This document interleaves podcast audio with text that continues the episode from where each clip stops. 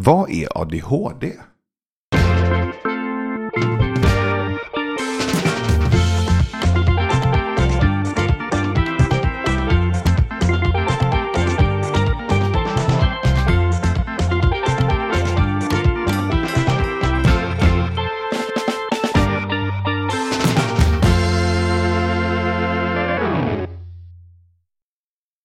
Frågar du mig? Spännande, nej men vad ska man säga? ADHD är egentligen mycket. Eh, allt från fyra bokstäver till eh, något så komplext som ett annat sätt att funka kan man väl säga. Om man då utgår från den så kallade normen. Eh, för det har vi att förhålla oss till eh, allihopa. Eh, det så kallade normala. Och lever man med ADHD då eh, funkar ju helt enkelt eh, delar av ens hjärna, får vi väl ändå säga, på ett lite annat sätt. Ehm, och eh, sen kan det kallas för funktionsnedsättning, det kan kallas för eh, funktionsförmåga, det kan kallas för DAMP, som det hette en gång förut. Eh, det kan kallas för efterbliven, det kan kallas för begåvad. Det, ja, ADHD är väl ett ehm, samlingsbegrepp i alla fall för något som enligt de så kallade normala är lite annorlunda. Som kan vara bra och som kan vara jättejobbigt. Kanske mest jobbigt. Det är därför man får diagnosen ADHD.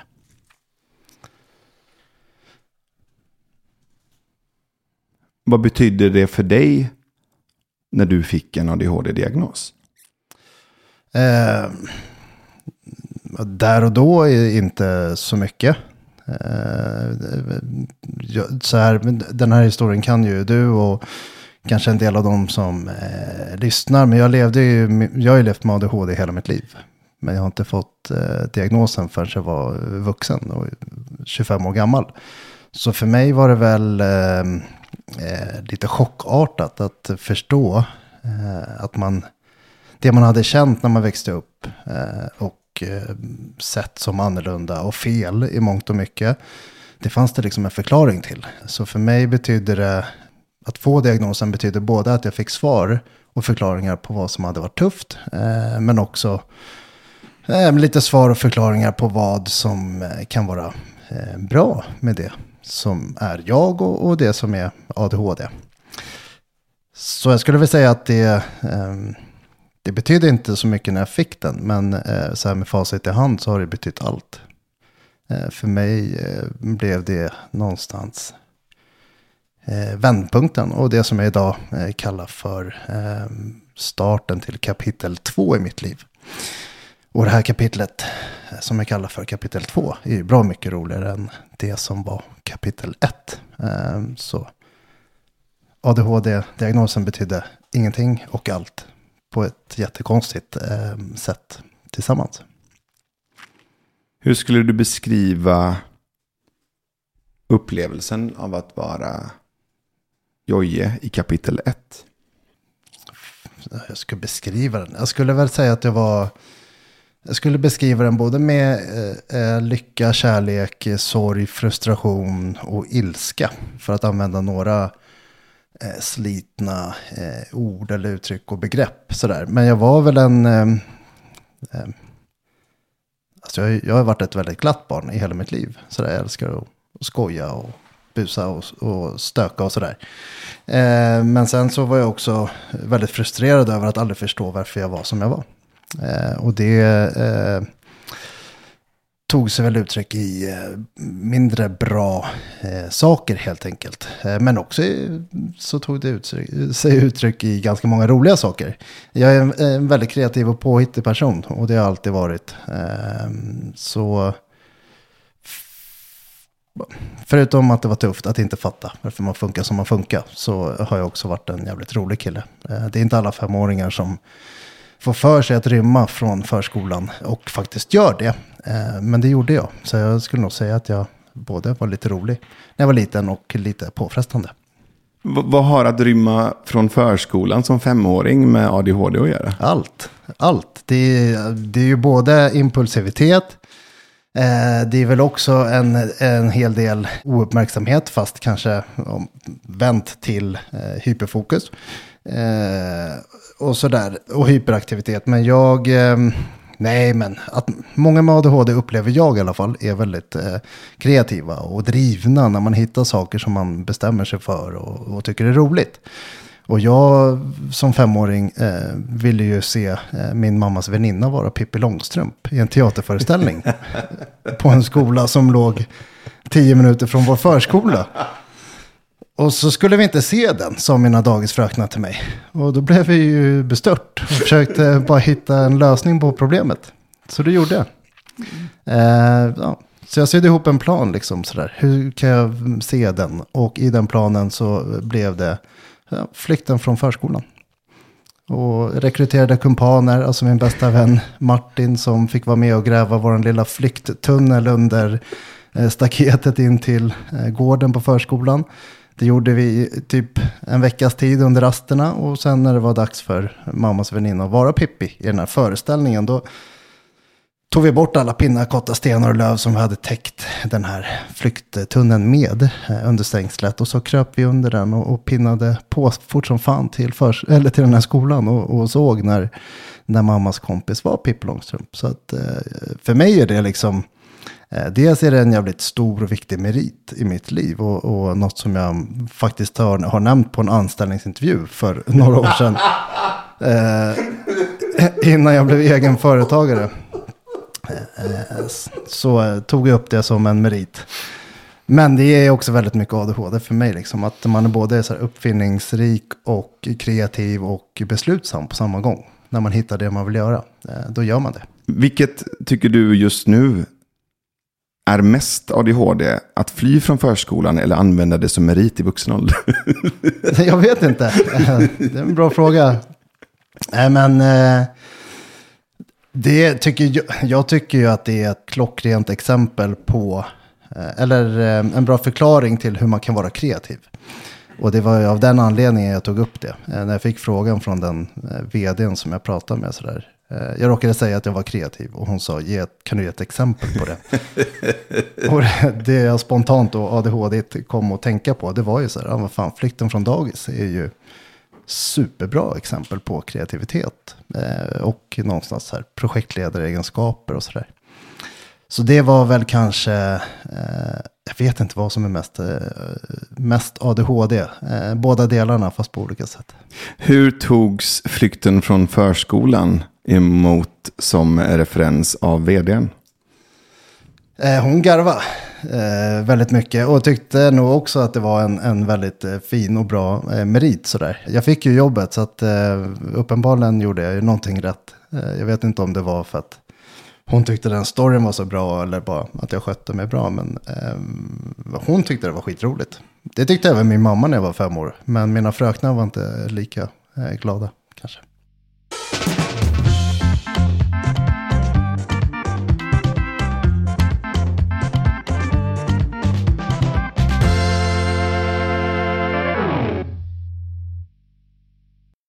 Så hur var det att gå från Joje i kapitel 1 och som 25-åring göra en ADHD-utredning? Um, ehm, egentligen ganska självklart liksom. Um, vi hade väl kanske varit det på spåret uh, tidigare. Jag gjorde faktiskt en utredning redan som 17-åring. Och borde kanske ha fått diagnos då. Men när jag väl gjorde min andra utredning som 25-åring. Eh, så var det egentligen inte självvalt. Utan det var min mamma som eh, mer eller mindre tvingade eh, psykiatrin att göra någonting eh, efter mitt sjätte och senaste självmordsförsök. Och Eh, på den vägen är det liksom. Så jag hängde väl egentligen bara med i, i snurran. Jag tänkte inte så mycket mer än att det är klart jag ska göra det. Men eh, ja, jo, det, utan den så hade, hade jag väl inte suttit här. Tror jag. Eller det är jag ganska säker på. Så det betyder nog mer än vad jag tror. Minns du vad du tänkte, kände och hur du upplevde dig själv och världen precis innan ditt sista självmordsförsök? Ja, alltså jag kände mig själv som den största eh, sopan eh, på jorden. Eh, som en påse skit, för att använda ett annat slitet uttryck. Som en person som inte borde vara här. En person som är här och eh, Eh, skadar dem han älskar mer än gör dem glada och stolta. Vilket jag idag eh, förstår är helt sjukt tänkt. Men det kanske också har att göra med att jag har blivit pappa själv. Och då fattar man att det spelar ingen roll vad ens barn gör. Man kommer ändå alltid älska dem mest av allt. Liksom. Men jag kände mig där och då som en värdelös individ som kostade mer än han smaka. Sådär. Jag tyckte bara att jag gjorde folk ledsna och besvikna. Och då var det bästa lösningen att försvinna. Och det är ju inte så roligt att gå runt och känna så. Ehm, och samtidigt så hade jag också, jag hade fått ett jobb som jag väldigt, var väldigt stolt över och, och, hade jobbat hårt för att få. Eh, och det började också glida mig ur händerna så det blev så här dubbeltrubbel. Eh, både en dålig självbild och, och självkänsla eh, i kombination med att ytterligare saker som jag tyckte var bra och roliga började försvinna från mig. Så, där. Eh, så det, blev, det blev mörker kan man säga. Vad har självförtroende, självkänsla och självvärde med ADHD att göra?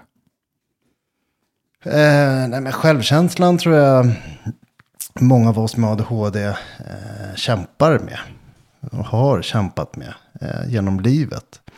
Och att det är en effekt av eh, omvärldens oförmåga att förstå och se och acceptera det olika som, som en självklarhet i människans utveckling och i evolutionen. Sådär.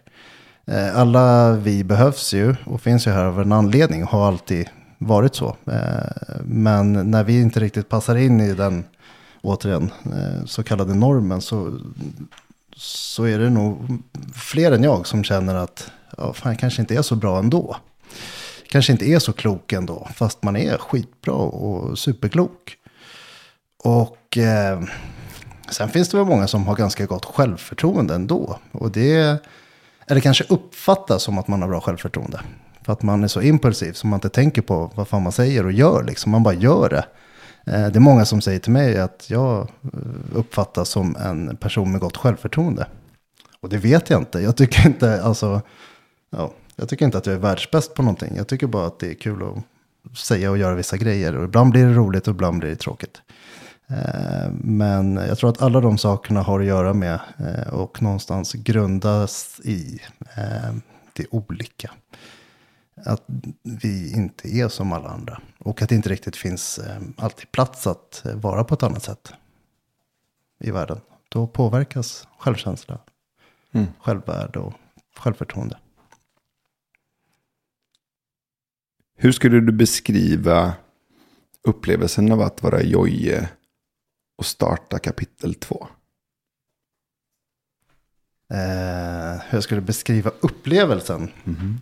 Jag var så jävla arg när jag började kapitel två. Det var inte meningen att eh, börja kapitel två när det började. Eh, nej men, jo jag var nog både arg och besviken och bitter över att ha behövt vänta så länge på rätt hjälp och stöd. Och den insikten kom ju jag fram till ungefär ett år efter jag hade fått diagnosen. Eh, när jag var sjukskriven för depression. Då började jag fatta att det är inget fel på mig. Utan jag funkar som sagt bara på ett annat sätt. Och det jag är bra på är jag jävligt bra på. Och det jag är lite mindre bra på, det är jag inte så bra på. Men det spelar ingen roll. För det kan man lära sig att hantera ändå. Eh, så min ilska och bitterhet eh, över att eh, ha varit snett så länge. Och framförallt var jag arg och bitter över att min... Att jag inte fick rätt hjälp och stöd innebar att jag mådde dåligt, vilket i sin tur fick mina nära och kära att må ännu sämre. Och det var kanske det jag tyckte var jobbigast. Eh, men eh, ja, det förvandlades ganska snabbt till en, en vilja att göra någonting mer och visa för andra att det behöver inte vara så. Vem eller vad eller vilka var ilskan riktad till? De. De var det eh, för mig. Och de för mig är Eh, dels alla de som jag har träffat i mitt liv och min uppväxt som skulle ha hjälpt mig, som har en skyldighet i form av sin eh, professionella yrkesroll att hjälpa mig. Eh, och min familj. Eh, de var jag besvikna på. Jag var besviken på eh, lärare och rektorer som hade behandlat mig illa som jag tyckte. På vården. Och så var jag arg och besviken på de som är systemet. Liksom. Som är samhället och inte heller bidrar till att skapa bättre förutsättningar för att fler ska få rätt hjälp. Och jag är besviken på de som bidrar till att öka stigmatiseringen av ADHD. Eh, och som lever med det istället för att sådär, försöka vara öppna för olycka. Det, för mig är det helt, än idag, eh, ofattbart att man väljer att här, sortera människor i fack. Och sen så är jag ADHD. När man kanske bara ska se det som ingår i begreppet ADHD som någonting som kan vara skitsvårt och något som kan vara jättebra. Eh, Så att det, eh, jag var nog, eh, det, det var nog tudelat, men jag brukar eh, i min svartvita värld eh, kategorisera oss i, i vi och dem. Liksom. Och vi som är annorlunda eller funkar på ett annat sätt, eh, det är den goda sidan. Och de, de där andra, de måste vi frälsa liksom och få med på våran sida. För att eh, fler ska få möjlighet att må bra. Det är det det handlar om egentligen bara. Att kanalisera sin frustration och besvikelse över att vi inte har kommit längre till att eh, försöka göra något som kan få fler att, att må bra. Vad var det som gjorde att ilskan, besvikelsen och bitterheten i början av kapitel 2 kunde bli något annat? Uh, nej, men det var väl... Uh, det var nog framförallt insikten att det finns två sidor av myntet. Uh, att det finns... Jag var ju inte helt övertygad om att jag var bra på något när jag fick diagnos. Men jag började förstå efter en stund att det finns positiva aspekter hos mig med. Och sen var det någon slags eh, känsla av gemenskap som också fick mig att så här, eh, ta steget och börja engagera mig i frågan och börja jobba för att öppna ögon och öka förståelse och sådär. Det handlar egentligen bara om att jag såg människor prata om sin ADHD på ett bra och ett mindre bra sätt. Det här är jag, sa de. Det är skitjobbigt och det här är också jag. Och det är skitbra.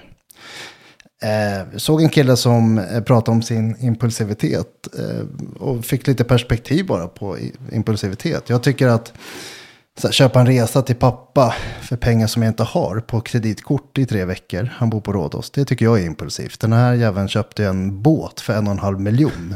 För att han ville ha en båtsemester med sin fruga en sommar. Och bara sånt där, att förstå att jag är inte ensam i att kämpa med vissa grejer. Det tyckte jag var, det var viktigt för mig.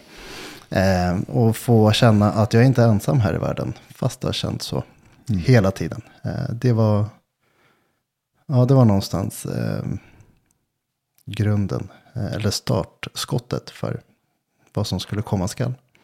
Och vad var det? Ja, vad var det? 12 år, 10 år senare sitter man här eh, och försöker komma ihåg allt som man har gjort. Nej, men det var väl eh, återigen det där engagemanget i frågan.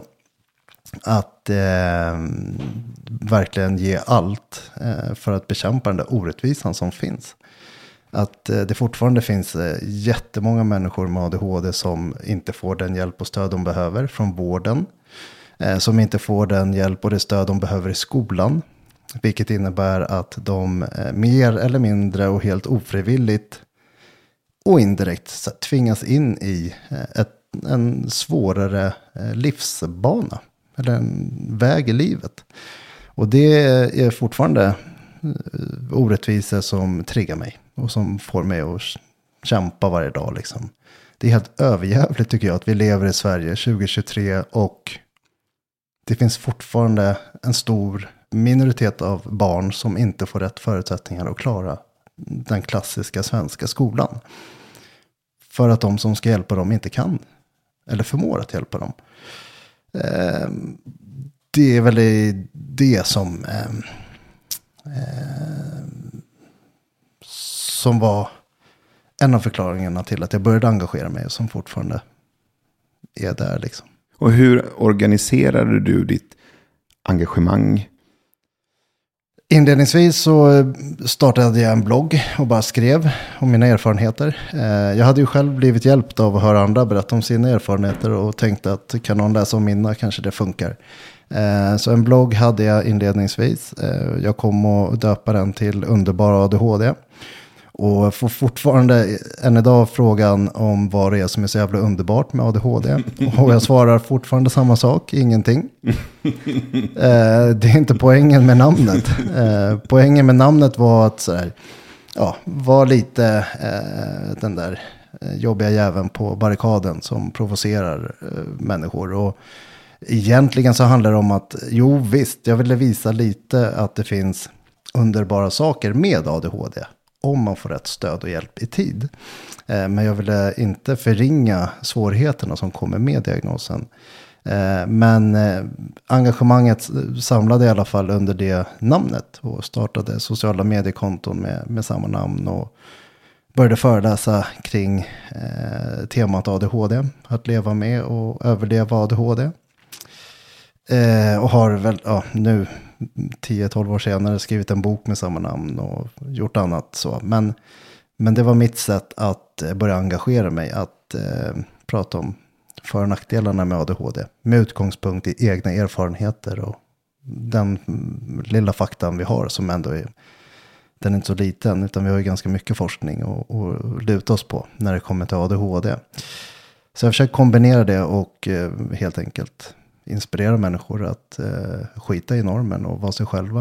Eh, för att det finns något väldigt bra där under. Vad har du lärt dig de senaste tio åren, tolv åren om ADHD? Allt. Allt jag kan idag är ju... Eh, det, det, är svårt att förklara eh, och beskriva på, på kort tid och så här. Men Eh, om man säger så här, jag kunde ingenting om eh, ADHD för 15 år sedan. Idag samarbetar jag med världsledande forskare på Karolinska institutet i ADHD-frågor. Eh, blev det lite skryt också. Men det är ju kul. För att, nej men, eh, om vi skiter i skrytaspekten och bara ser på, på det för vad det är. Jag har gått från att kunna ingenting eller lite grann till att kunna ganska mycket eh, och bli respekterad inom eh, både forskarvärld och olika professioner. Så jag har väl lärt mig allt om ADHD. Eh, sen så kan jag fortfarande ingenting om ADHD. För att man aldrig är fullärd. Eh, och det är det som är så jävla roligt också med eh, livet, säger jag idag. Eh, och med att jobba med ADHD-frågor, det är att man alltid lär sig någonting nytt. men det är också för att det handlar ju om något så självklart och abstrakt och komplext som hjärnan. Och att vi är olika individer. Så att eh, det finns alltid någonting nytt att lära sig. Av det du har lärt dig om ADHD, vad har du applicerat i ditt eget liv som gör det bättre idag? Eh, rutiner. Eh, det hade jag i och för sig innan jag fick diagnos också, men eh, behovet av det vi pratade om innan, det med tydlighet och struktur och ja, men rutiner till viss del. Eh, och framförallt kanske insikten att jag alltid behöver ligga steget före mig själv. Och planera sånt som jag inte ens tror att jag behöver planera. Det är väl det som jag har lärt mig mest och som jag applicerar varje dag idag. Vad behöver du planera som du inte tror att du behöver planera? Nej, men typ kläder som jag ska ha på mig. För andra människor kan det vara självklart att vakna på morgonen och, och eh, borsta tänderna, eller äta frukost, borsta tänderna och klä på sig och gå till skolan utan att bli stressade. Jag kan ju inte det. Alltså kläderna, det här säger jag alltid när jag pratar med någon om ADHD, men kläderna jag har på mig nu la jag ju fram igår kväll när jag gick och la mig och sov. För att jag vet att om jag inte gör det Eh, och vaknar på morgonen och ska fixa och dona med alla barn och, och göra med ordning och sen åka till Sturup för att flyga till Stockholm. Och inte ha valt kläder. Då kommer jag stå där med den här jävla beslutsångesten vid garderoben. Eh, titta på väderkartan, vad det ska vara för väder. Och sen försöka hitta kläder som passar. Och så kommer ingenting vara bra nog. Och så blir jag stressad. Och så är dagen katastrof. Eh, men genom att göra det som jag gjort nu och gjort sedan jag var ett litet barn enligt mamma. Lägga fram kläder i en hög. Då kan jag bara göra det jag ska på morgonen. Klä på mig och åka till Sturup. Flyga till Stockholm och må ganska bra. Så att det är ett jävligt enkelt sätt att jobba med både insikt och, och kunskaper kring hur man funkar och vad man behöver för att funka. Eh, att ligga steget före sig själv. Och framförallt att leva mitt liv i en kalender. Det, utan det funkar ju inte. Vad tror du att anledningen är, om du får spekulera och provtänka lite, till att ADHD finns inom den mänskliga arten och har funnits i x antal år och fortfarande finns kvar. Hej alla nyfikna idioter! Jag hoppas ni har kunnat hitta ett bra arbetsfokus medan ni har lyssnat på lektionen om ADHD med Georgios Karpatakis. Om det är så att du knappt kan sitta still utan vill lära dig ännu mer om ADHD kan du gå in på www.patreon.com nyfikna idioter så kommer du få tillgång till hela lektionen och även ha möjlighet att träffa andra nyfikna elever här på institutet. Nu ska jag göra rektorsgöra. Vi ses nästa vecka. Vänligen och nyfiket, Rektor Ström.